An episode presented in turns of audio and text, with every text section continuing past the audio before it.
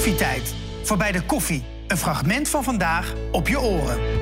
Ik weet het niet, maar toen we het van de week even over hadden... van we gaan nog even met Andrea... toen zei ik, ik heb het idee dat er dit jaar, het afgelopen jaar... heel veel eh, exotische dieren eh, naar ons land zijn gekomen... die we hier anders niet hebben.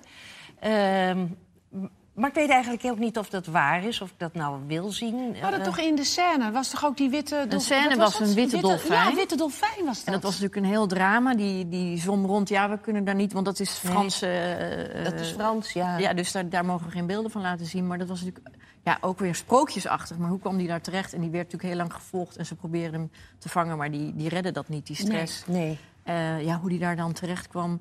We hebben hier weer een walrus. We hadden natuurlijk Freya. We hebben een Maar andere walrus gehad. Maar, en er was, maar, maar er was toch ook dus die witte dolfijn in En de walrus was er ook in de scène. Of een, oh, Nee, niet in de scène. Nee, een walvis. Een walvis, Walvis, was in de hier, scène. Dat, is, dat was deze, die kwam er ook. En we hebben walvisachtige ook voor onze kust gehad. We hebben weer een walrus gehad. Hier hebben We we, een hebben walrus. dolfijnen gehad waar een vrouw op ging klimmen, weet je. dat Oh soort- ja, dat Ja. vond ik toch ook zo wat. Ja, het was ook wel weer zielig. Was ook weer, eh, die vrouw werd natuurlijk ook ongeveer opgehangen. Maar ja.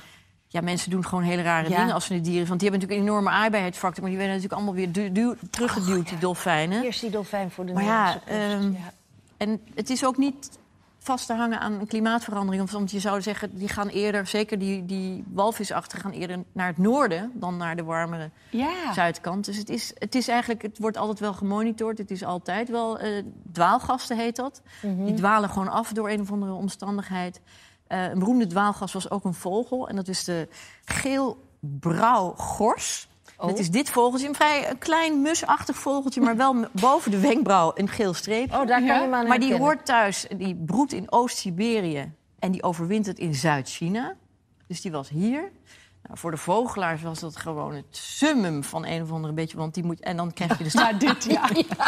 Ah, wat een. soort tafereelen. Ik denk altijd wel een beetje, ja, dat zijn dus natuurlijk alleen maar mannen. Ja, er zit geloof ik één vrouw tussen. Want dat, is, dat is natuurlijk eigenlijk het jagersinstinct van de mannen. Hè, die vroeger natuurlijk op de Ja. dieren schoten. Die moeten nu een foto schieten.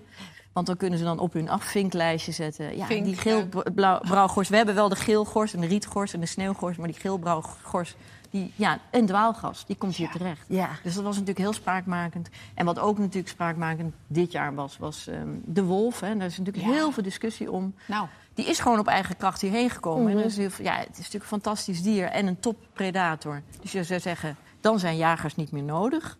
Maar ja, iedereen maakt zich zorgen. eh, natuurlijk de schapenboeren. Er wordt ook gezegd, ja, maar er zijn zoveel schapen. Er moeten natuurlijk minder schapen worden gehouden. Ze krijgen genoeg voedsel. Ja, er is, er is een hele discussie. Ja, Ja, ik vind het natuurlijk een machtig discussie, dier. Wat ja. vind jij, Lorette? Ik vind het een moeilijke discussie. Ik, ik bedoel, ik zie ook niet graag een, een, een schaap daar bebloed liggen. Nee. Maar ja, eh, het is wel fantastisch dat hij dat die er weer is. Ja. En dat ze, dat ze zich ook voortplanten Ja. hier. En ja, dan, gaan er ook een heleboel dood... omdat ze toch doodgereden worden of wat dan ook. Zeker, het verkeer is nog de grootste Ik- ja, eh, het is, het, het, eigenlijk. het is een, een het, moeilijk, moeilijk. Maar moeilijk. Ik, ik, machtig mooi. Machtig. Tot slot, Tot slot. Ehm, over jagen Kerst. en, en ja, kerst. Nou, ja, het is natuurlijk kerst en, en iedereen is nu al boodschappen aan het doen. En, en kerstdiners en natuurlijk ook oud en nieuw. Dus één, eh, geen vuurwerk hopelijk. Maar met kerstdiners is natuurlijk altijd een punt van... Ja, hoeveel dieren gaan daar eh, aan? Er is aanstaande vrijdag... ah, dat is al jaren Ja. aan de gang, dat weet jij ook. Dat is de Vredesdienst voor Dieren. In Amsterdam in een kerk. En eh, ja, je kan ook online meekijken. Het is al wel heel bijzonder. En daar wordt eigenlijk...